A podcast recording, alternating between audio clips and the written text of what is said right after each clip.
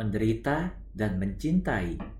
Kamis 24 November bacaan Injil diambil dari Lukas 21 ayat 20 sampai dengan 28. Yesus berkata kepada murid-muridnya, Sebab akan datang kesesakan yang dahsyat atas seluruh negeri dan murka atas bangsa ini.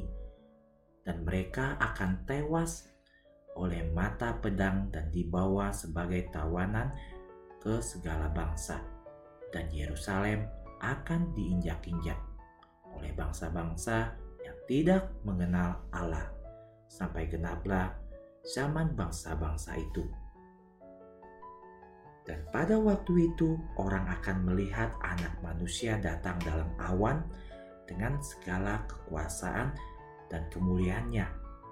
Apabila semuanya itu mulai terjadi, bangkitlah dan angkatlah mukamu sebab penyelamatanmu sudah dekat. Menjelang akhir tahun liturgi, Injil menekankan suatu harapan. Tuhan kita mengharapkan apa yang harus kita harapkan adalah penganiayaan, perang, malapetaka dari segala jenis tetapi kemudian dia mengingatkan kita bahwa kita perlu mengangkat kepala kita karena penebusan kita sudah dekat. Angkatlah kepalamu. Yesus memberitahu kita jangan melihat ke bawah, jangan berkecil hati dengan semua yang terjadi di sekitarmu. Jangan takut. Angkat kepalamu pandanglah ke surga, arahkan pandanganmu pada Tuhan. Jangan berkecil hati, jangan kehilangan harapan. Kita perlu mengangkat kepala kita dan memandang Yesus di kayu salib. Tubuhnya yang terpaku pada kayu mengajarkan kita untuk setia. Kulitnya yang terluka menunjukkan kepada kita harga dari dosa-dosa kita. Sisi terbukanya memberi kita wawasan tentang cinta hati kudusnya bagi kita. Kepalanya ditusuk oleh banyak duri, mengingatkan kita untuk mengangkat kepala kita. Angkat kepalamu dan lihatlah Tuhan yang tertusuk dan kamu akan mengerti bahwa murid harus mengikuti guru bahwa hanya ada satu cara untuk menunjukkan cintamu melalui penderitaan.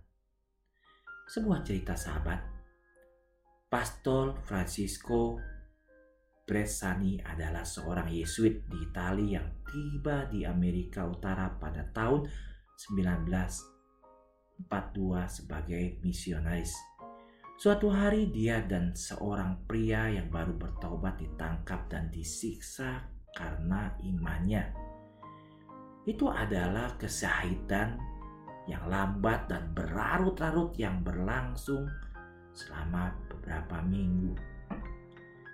Yesus itu menulis kepada atasannya, "Saya tidak memiliki lebih dari satu jari utuh.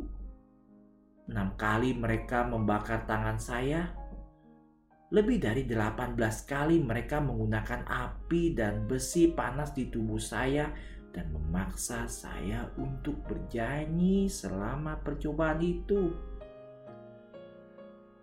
Tapi ketika mereka mulai menyiksa sang Yesuit, rekannya berkata,